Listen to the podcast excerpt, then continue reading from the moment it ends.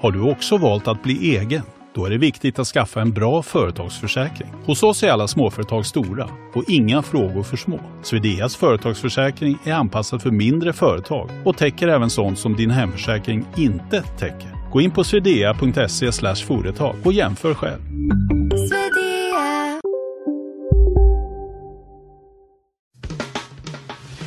Analyspodden från Dagens Industri. Hej och välkommen till Analyspodden, Dagens Industris podd om börsen och aktier. Idag är det jag, Agneta Jönsson och min kollega Torbjörn Isaksson som står här i studion. Som vanligt ska vi prata om vad som händer på börsen, en hel del om räntorna denna gång och var, som vanligt har vi med några nya case och intressanta spaningar. Det är fredag och klockan är tio. Ja du Torbjörn, det har ju varit en ganska dramatisk vecka på börsen denna gången också. Ja, det får man ju säga att onekligen har det varit det, men det är mycket de här räntebeskeden som har stökat till det. Vilket är vi absolut. Och eh, OMX30 är nere nu på 18,30. Det är ner 24 procent i år. Det är faktiskt ett nytt årslägsta också. Vi var nere på 18,50 i första juli och där tog vi nu och passerade denna veckan. Och ska man använda de här kvällstidningsrubrikerna så kan man väl säga att det är räntefrosta på börsen helt enkelt denna veckan. Det kan vi, man ju lugnt säga. Vi hade ju Riksbanken i tisdags eh, som då överraskande höjde räntan en procentenhet eller 100 punkter som man säger. Där hade man väntat sig lite mindre, 0,75. Och eh, sedan väntar sig Riksbanken att de ska fortsätta höja en halv procent i november och 0,25 i februari. Och då kommer vi att hamna någonstans på 2,5 procent i februari och där kan det då plana, plana ut. Och det gör ju att bankerna anpassar sig efter det och man börjar prata om listpriser på bolån och sånt som kommer att stiga upp mot en 4,75 här i början av året och ja, sen får man ju se vad som händer helt enkelt fortsättningsvis. Mm, jag såg häromdagen att i, i Danmark pratar de om 6% på bolån. De har väl lite annan struktur på sina lån. De har väldigt långa lån, men det, det kanske säger någonting om vad det är på väg här i omgivningarna.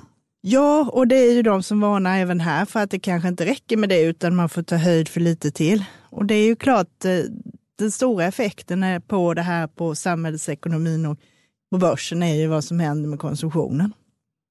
Ja, den kan man ju förvänta sig att den kommer att gå ner väldigt mycket på många områden här. Så att, eh, och det, alla butiker till exempel, då slås de ut av eh, både höjda hyror här med indexeringen och eh, minskad försäljning.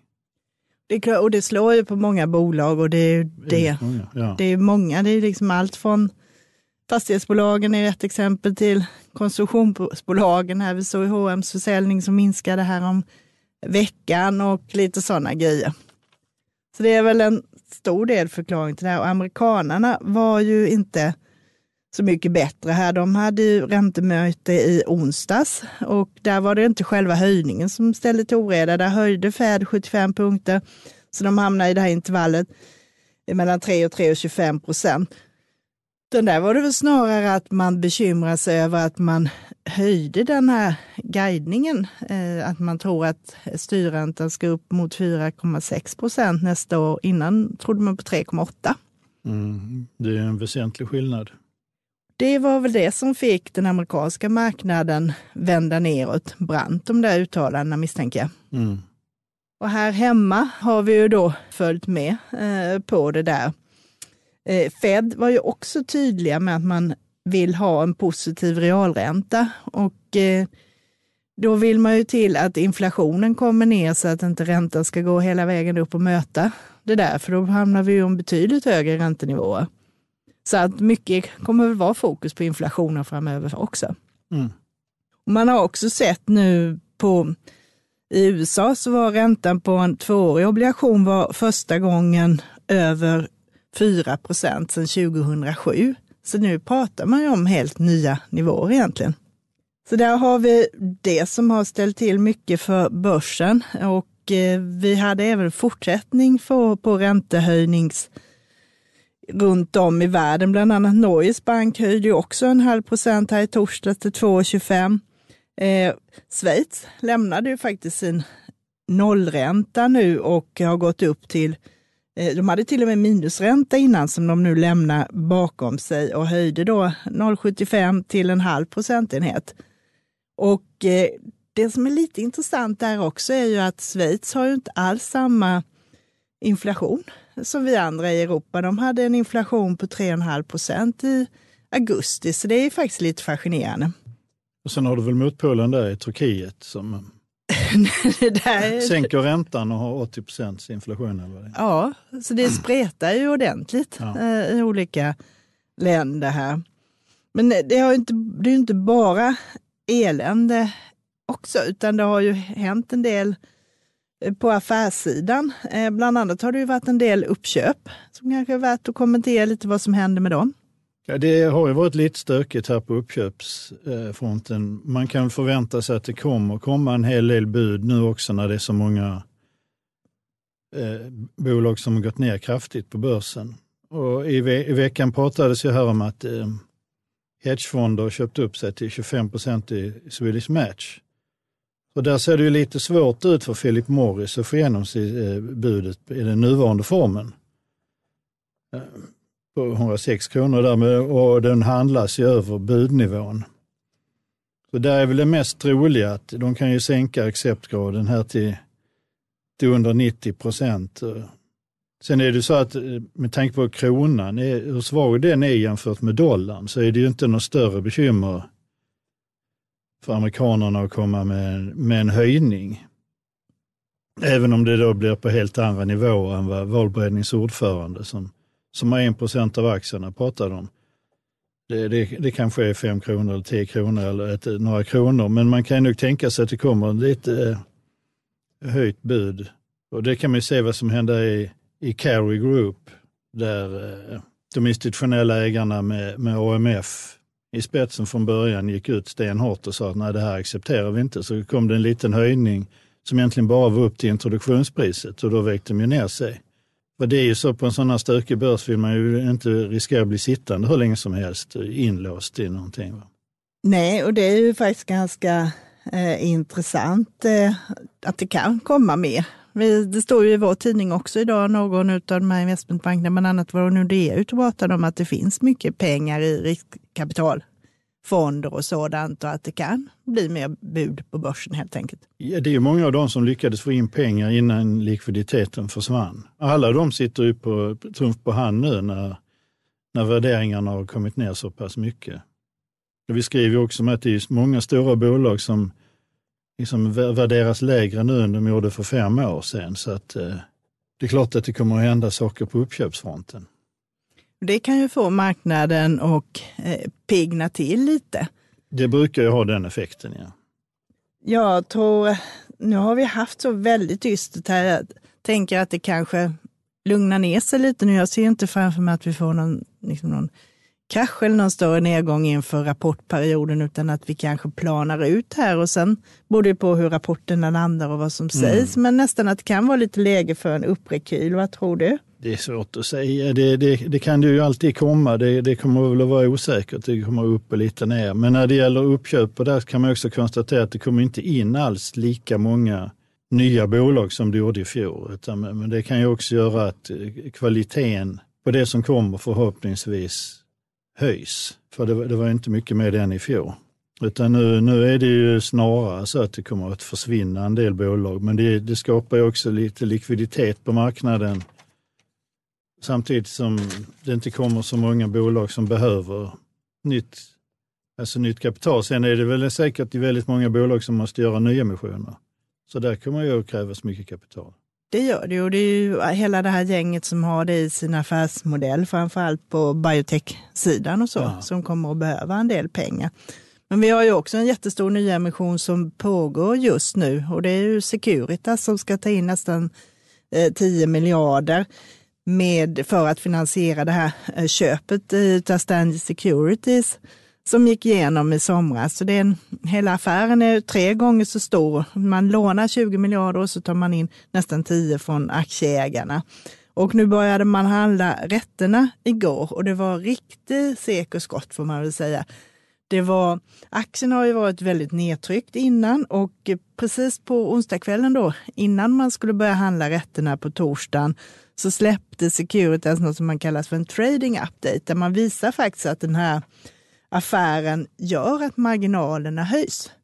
Eh, som man tidigare sagt, men nu kan man visa konkret här att under den här perioden som har gått sedan de tillträdde här 22 juli så har det faktiskt slagit igenom i form av högre marginaler. Och det satte ju också fart på handeln i rätterna så att eh, Securitas-aktien steg över 9 procent igår och det var en väldigt stor omsättning och väldigt fart på teckningsrätterna och det är det idag också. Vi pratade lite tidigare om att just när det är så här mycket räntor som kommer ut så kan det bli spekulation, men det är väldigt ovanligt att faktiskt rätterna drar aktiekursen som det gjorde denna gången. Så jag kan tänka mig att det är en del inne som handlar om lite som nästan som derivat, att man vill spekulera kortsiktigt i aktien och så är man inne och handlar i rätterna. Så att det ska bli jätteintressant att se vad som händer här nu närmaste veckan. Senaste veckan har ju faktiskt Securitas-aktien stigit nästan 15 procent och det är väldigt mycket på en sån här börs. Mm. Så att eh, de kommer, rätterna kommer handlas fram till 6 oktober. Men så det kan man fortsätta och hålla koll på dem där. Men som sagt, jag tror ju att det här kan bli bra när det är färdigt för att man har som sagt var sänkt värderingen på Securitas väldigt mycket på grund av den här affären. Eh, de handlas ju till tio gånger eh, vinstprognosen för kommande 12 månader och där har man ju snitt legat på 15 innan. Det är också en sån här aktie som kom med på den här listan som vår kollega Magnus Dagel skrev om idag, bolag som har gått dåligt senaste fem åren trots att vinsterna har stigit egentligen. Just det. Så den tycker jag man kan fortsätta hålla koll på. Sen har vi ju ett bolag som har gått motsatt väg här idag. Det är ju Ericsson som faller 4,5 procent när vi står här och pratar. Vad är det som har hänt där? Ja, nu är det ju nu är det ju lite kaos i deras kommunikation ännu en gång. Den här gången är det ju Ekot som avslöjar att de att sälja till Ryssland efter att de gick in och startade kriget i Ukraina. Trots att Börje Ekholm har sagt att de skulle stoppa alla leveranser till Ryssland och Belarus. Och det ska det handla om mjukvara och inte eh, hårdvara, men det, det verkar ju finnas flera exempel på att de fortsätter att sälja till operatörer där. Och det är ju anmärkningsvärt, eh, dels när alla andra bolag drar sig ur landet och Ericsson går ut och säger att eh, nej, vi ska absolut inte leverera. Sen fortsätter de att få dispenser och sälja där. Och det kommer ju ovanpå så många andra exempel på där man börjar undra hur ägarstyrningen fungerar, vilken koll Börje Ekholm har och hur de egentligen sköter sin kommunikation och man kan, börja, liksom, man kan fundera kring vad, hur kommer amerikanska myndigheter reagera på detta? De, de är ju redan på Ericsson. Det borde ju som sagt var inte vara positivt i alla fall. Det är ju hela tiden de här grejerna som också tangerar det här med ESG. Det är ju inte bolag som beter sig på det här sättet som investerarna är så intresserade av längre. Nej, det är ju ständiga ESG-övertramp från Ericssons sida. Det ska vi se. Tror du vi får höra någonting mer eh, om det här från Ericssons sida eller att man liksom bara försöker låtsas som ingenting har hänt? De brukar försöka lägga locket på, men eh, vi får se hur det utvecklar sig. Så där har vi ytterligare en grej att hålla ögonen på här kommande veckor. Jag pratade med Sampos vd eh, tidigare och publicerade en intervju i veckan med honom. Och det är faktiskt ett av de här casen som är lite spännande. De håller ju på att eh, utreda om de ska ha en parallellnotering eh, på Stockholmsbörsen. Och eh, det är ju, de har ju nu efter sina försäljning av aktierna i Nordea svängt om och ska jobba mycket med sakförsäkring, nästan uteslutande med sakförsäkring. Man har en litet bolag som heter Mandatum eh, som jobbar med kapitalförvaltning, kapitalförsäkringar och sådana grejer i Finland. Men annars är det större delen av deras verksamhet är sakförsäkring och den största delen är skadeförsäkringsbolaget If som många känner till som är stora i Sverige och de har en marknadsandel på 20 procent i Norden. Och man har sett att Sampo har liksom Hej, Ulf Kristersson här. På många sätt är det en mörk tid vi lever i. Men nu tar vi ett stort steg för att göra Sverige till en tryggare och säkrare plats. Sverige är nu medlem i Nato. En för alla, alla för en. Där det finns ett samhälle, där finns det brott. Krimrummet är podden som tar brottsligheten på allvar. Jag bjuder in landets ledande experter och tar upp aktuella rättegångsfall för att begripliggöra den kriminalitet som kryper allt närmare. Du, alltså, du kan knäcka ett eller några gäng, men det kommer komma nya och så kan vi knäcka dem sen. Men att du ska knäcka allt forever, det kommer aldrig ske. Det är infinite gain. Lyssna på Krimrummet, en podd från Expressen med mig Kim Malmgren. Straffas av det här att man har haft Nordea, man har haft lite olika saker, vilket gjort att de haft en betydligt lägre värdering än renodlade sakförsäkringsbolag. Så att där är lite casen nu. Du har en bolag där du har en stabil tillväxt i vinsten. Eh, man har en eh, bra, eh, kan man säga, det som man i försäkringsbolagen kallar för totalkostnadsprocent, vilket man kan jämföra lite med marginaler på vanliga bolag ligger väldigt stabilt och ligger väldigt bra och man jobbar med att gneta verkligen med kostnaderna. Man sänker kostnaderna lite, lite varje år och har sänkt kostnaderna varje år 14 år i rad och det är en bra prestation. Och sen är man duktiga på att jobba med sin kapitalstruktur och arbeta med risker som är ju då kärnverksamheten i försäkring. Så att jag tycker det här ser intressant ut, särskilt i en sån här dramatisk börsläge som vi är nu, så är det sådana här bolag med defensiva kvaliteter som är intressanta. Så tittar man på hur konkurrenter som norska Gensidig till exempel handlas på drygt 20 gånger vinsten och du har danska Trygg som också äger nu svenska Trygg-Hansa som handlas på 30 gånger vinsten och Sampo ligger på 17 ungefär. Man har smugit upp lite från 16 tidigare när man började med det här. Och samtidigt så har du en bra direktavkastning eh, som i snitt har legat på 5,7 procent senaste åren och nu räknar man på mellan 4 och 5 här kommande år. Plus att de är överkapitaliserade så att man håller på att göra återköp också. Så jag tycker det är något man kan titta lite närmare på. Du har tittat närmare på också lite som har bäring till Finland kan man ju säga. Det har bäring till Finland och det har bäring till vad som traditionellt sett har varit just en väldigt defensiv aktie i form av Fortum eh, som eh, många svenskar också gick in och köpte för att eh, det var en stabil verksamhet. Vinsterna trillade in, utdelningen var hög, bra direktavkastning. Sen sålde de en hel del verksamheter, bland annat i Sverige. Trygg verksamhet och så gick de in och försökte göra något eh, klipp här på eh, rysk gas via att, att de köpte in sig i tyska Uniper. Och det har ju blivit en fullständig katastrof. Det som har hänt nu är att eh, tyska staten köper ut de övriga aktieägarna från Uniper eh, och i princip eh, förstatligar bolaget. Vilket ju beror på att det här företaget är helt eh, enormt viktigt för den tyska energimarknaden. Men både Fortum och, och Uniper är ju väldigt stora i Sverige. Och, och bland annat så innebär det här ju att eh, tyska staten nu som avvecklar sin egen kärnkraft plötsligt blir ägare i alla svenska kärnkraftverk. Och det är ju inte en långsiktigt hållbar lösning utan där kan man väl tänka sig att eh, Fortum kommer, kommer att kliva fram längre fram. Eh, för de har ju fått en, eh, en förköpsrätt här om eh, Uniper vill, vill eh, ta sig ur Sverige och sälja de tillgångarna. Så det, det kan man ju tänka sig att Fortum kommer att öka här och komma in ytterligare i svensk vattenkraft och kärnkraft framför allt då, de två områdena.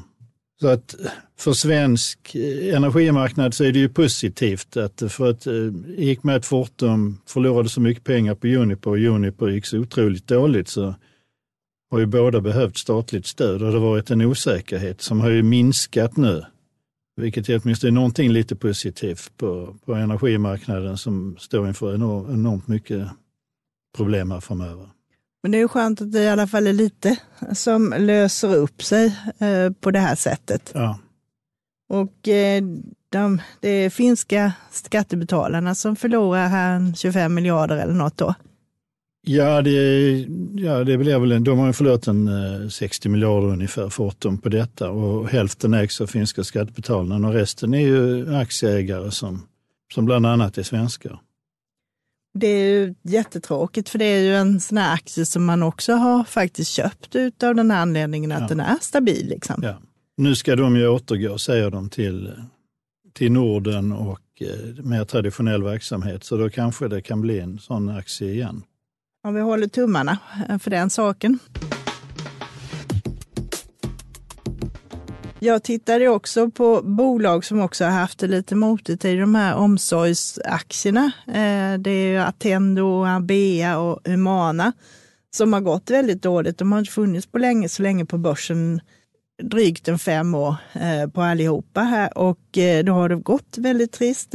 Attendo har gått ner, tappat över två tredjedelar av börsvärdet och de andra ligger också kraftigt back och betydligt sämre än index. Så Dels har man liksom inte riktigt infriat de vinstförväntningar som har funnits på bolagen och sen kom man lite snett. Ambea och Humana gjorde stora förvärv innan pandemin eh, som då blir svårare att eh, räkna hem på det sättet att Tendo har en stor verksamhet i Finland där man har fått nya krav på sig på äldreboenden att det behöver vara mer personal eh, per patient, så att säga, vilket ökat kostnaderna kraftigt. Och sen har ju alla drabbats av högre sjukfrånvaro, vilket också har lyft kostnaderna under pandemin. Men det som är intressant med de här bolagen är ju att eh, värderingen och aktiekursen har ju kommit ner mycket mer än vad vinsterna har minskat egentligen. Så att du har fått enorma värderingstapp i de här bolagen. Ambea Humana har haft tvåsiffriga P tal 2019 och nu är de nere på eh, sju på nästa års förväntade vinst. Så det är ju halveringar utav värderingarna. Och Attendo hade en sån här riktigt skyhög värdering. De hade alltså 50 gånger vinsten där för fem år sedan. Och nu är de också nere på sju om man ska tro de prognoserna som ligger i databasen Factset. Och det kan man ju faktiskt har anledning att göra, för det är en del positiva saker som kickar in i det här nu. Bland annat har ju då Attendo förhandlat om en del av sina avtal i Finland redan och de säger att de som de har förhandlat om får de höjningar på 30 procent ungefär, vilket då räcker för att de ska kunna ha en hållbar, stabil utveckling där. De kommer förhandla om resten av avtalen där också under året. Humana till exempel som har mycket inom sådana här LSS-assistent verksamhet och sådant. Där fick, höjdes assistentersättningen 3,5 procent förra året och den har liksom inte riktigt hängt med. Sedan 2014 har höjningarna varit lite lägre än löneutvecklingen, men nu har den kommit upp. Och alla de här har du lite det där att de är ganska konjunkturokänsliga, men de här ersättningar som man får på avtal från kommuner och avtal som reglerar sina grejer, det går inte riktigt hand i hand med kostnadsutvecklingen. Men så småningom så rättade det till sig lite. Och du har också en marknad som i grunden växer. Både det demografiska, att du får allt fler som blir äldre och du har också en ganska liten andel i Sverige som är rent privatiserad, till exempel inom äldreomsorgen är det bara 20 procent i de, eh, och där har du ungefär samma i Norge och Danmark, men i Finland är det 40 procent. Så där kan man också tänka sig att det växer. Så det är också sådana här bolag jag tycker man kan hålla ett öga på. Mm. Ska vi titta lite på vad eh, vår kollega Mikael Olsson har skrivit här i veckan. Det är nämligen han som är författare till den här som kallas för veckans aktie, eh, där vi rekommenderar ett bolag på ett års sikt. Och han tittade då på hälsobolaget Biogaia som jobbar då med något som kallas för probiotiska produkter, det vill säga kosttillskott som innehåller mjölksyrabakterier. Och där har man då en storsäljare som heter Protectis som är då mot kolik hos spädbarn som står för 80 procent av omsättningen som i fjol var 785 miljoner. I år tror Mikael att de kan sälja eh, närmare upp mot 1,1 eh, miljarder och nästa år 1,2. Det är också en sån här aktie som har haft det motigt några år, men nu verkar vara på rätt väg. De har gjort två omvända eh, vinstvarningar här.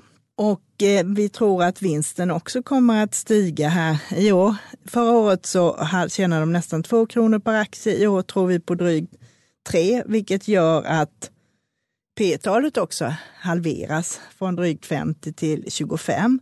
Så att eh, DI ser en uppsida på 50 procent från den här nivån som gjordes när analysen publicerades i måndags, det vill säga 79 kronor. Så det är också ett sånt där bolag som är intressant. De har också en stor kassa, de säljer i 112 länder och det är låg priskänslighet på produkterna. Samtidigt så är det, kan det vara liksom ojämnt i försäljningen mellan kvartalet och det är också känsligt för nya pandemirestriktioner. Och de är ju liksom beroende av en produkt. Men det tycker jag låter som ett spännande case. Mm. Ska vi titta lite på vad som händer nästa vecka? Ja. Då har vi lite kapitalmarknadsdagar. De här Sives, halvledarbolaget, har kapitalmarknadsdag på måndag. Och då kommer tysk statistik, den här viktiga IFO-index. Tyskland är väl, har du väl du tittat lite här på nu med tanke på energin och det? Ja, det, det kommer ju hända mycket i Tyskland. Det här att de förstatligar Uniper, det är ju bara början på en massa förändringar de måste göra där.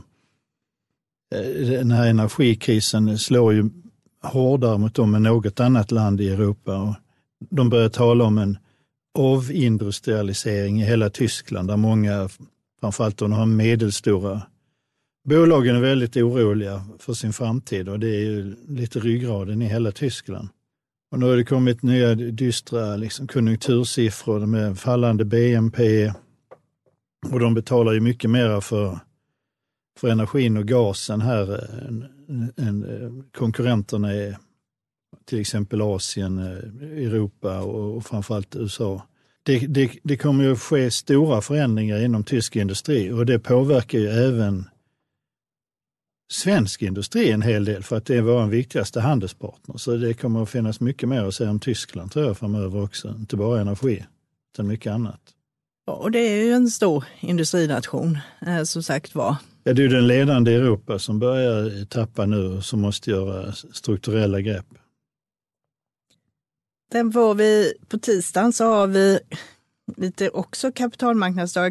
Cloetta har en investerarpresentation. De ska ju göra ett jättestort fabriksbygge i Belgien, så jag antar att de kommer snacka lite om det. Sen har du ett investmentbolag VNV Global har kapitalmarknadsdag på eftermiddagen. Det är också en aktie som har fått väldigt mycket stryk. Man investerar i onoterade bolag, bland annat är man ägare i de här eh, Voi till exempel. Sen har vi statistik som jag kommer att titta på. Det är SEB kommer med, med finansmarknadsstatistik som visar på utlåningen dels bolån men också utlåning till hushåll överlag och företagsutlåningen för augusti. Så det är intressant att se om hur det har varit med tillväxttakten där helt enkelt. På onsdag är det kapitalmarknadsdag i Carlsberg, eh, ölbolaget. Mm. Och sedan så får vi också en konjunkturprognos från Konjunkturinstitutet. Och på torsdag är väl egentligen den stora händelsen på Stockholmsbörsen. Då får vi då H&M eh, kommer med rapport. Det är deras tredje kvartal, vilket då sträcker sig över perioden juni till augusti. Och där vet vi redan att försäljningen har minskat eh, 4 procent. Det kom ju här om veckan och då åkte aktien ner eh, lite. Det var lite mer än väntat. Så det man kommer titta mycket på nu är ju bruttomarginalerna, hur de har klarat av att hantera allt stök i världen. Och där är förväntningarna att de ska ha kommit ner till 51,3 från 53,2 förra året vid den här tiden. Och det är också en aktie som har kommit ner en del i värdering och handlas då på 15 gånger vinsten i år här. Så den kommer vi titta på och sedan så kommer det lite statistik eh, för EMU eh, i, på fredagen där man tittar då på preliminär KPI för september, vilket är inflationen som vanligt i fokus. Det var väl de grejerna som jag hade tänkt på här. Har du någonting annat? Nej, jag tror vi har täckt in det ganska bra nu. Då tycker jag vi tackar för idag, men först så kan vi ju tipsa lite om våra andra poddar. Vi har ju Makrorådet med Viktor Munkhammar och gäster. Vi har Digitalpodden Eh, Och vi har Smarta pengar och vi har den dagliga podden Morgonkoll plus DIs ledarredaktions ledarpodd. Mm. Då får vi önska er som lyssnat en trevlig helg. Ja, trevlig helg alla. Hej då! Hej då.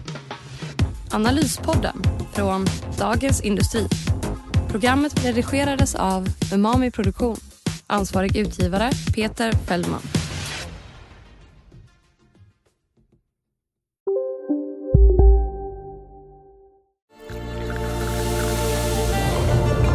Välkommen till Maccafé på utvalda McDonalds restauranger med Baristakaffe till rimligt pris. Vad sägs om en latte eller cappuccino för bara 35 kronor? Alltid gjorda av våra utbildade baristor.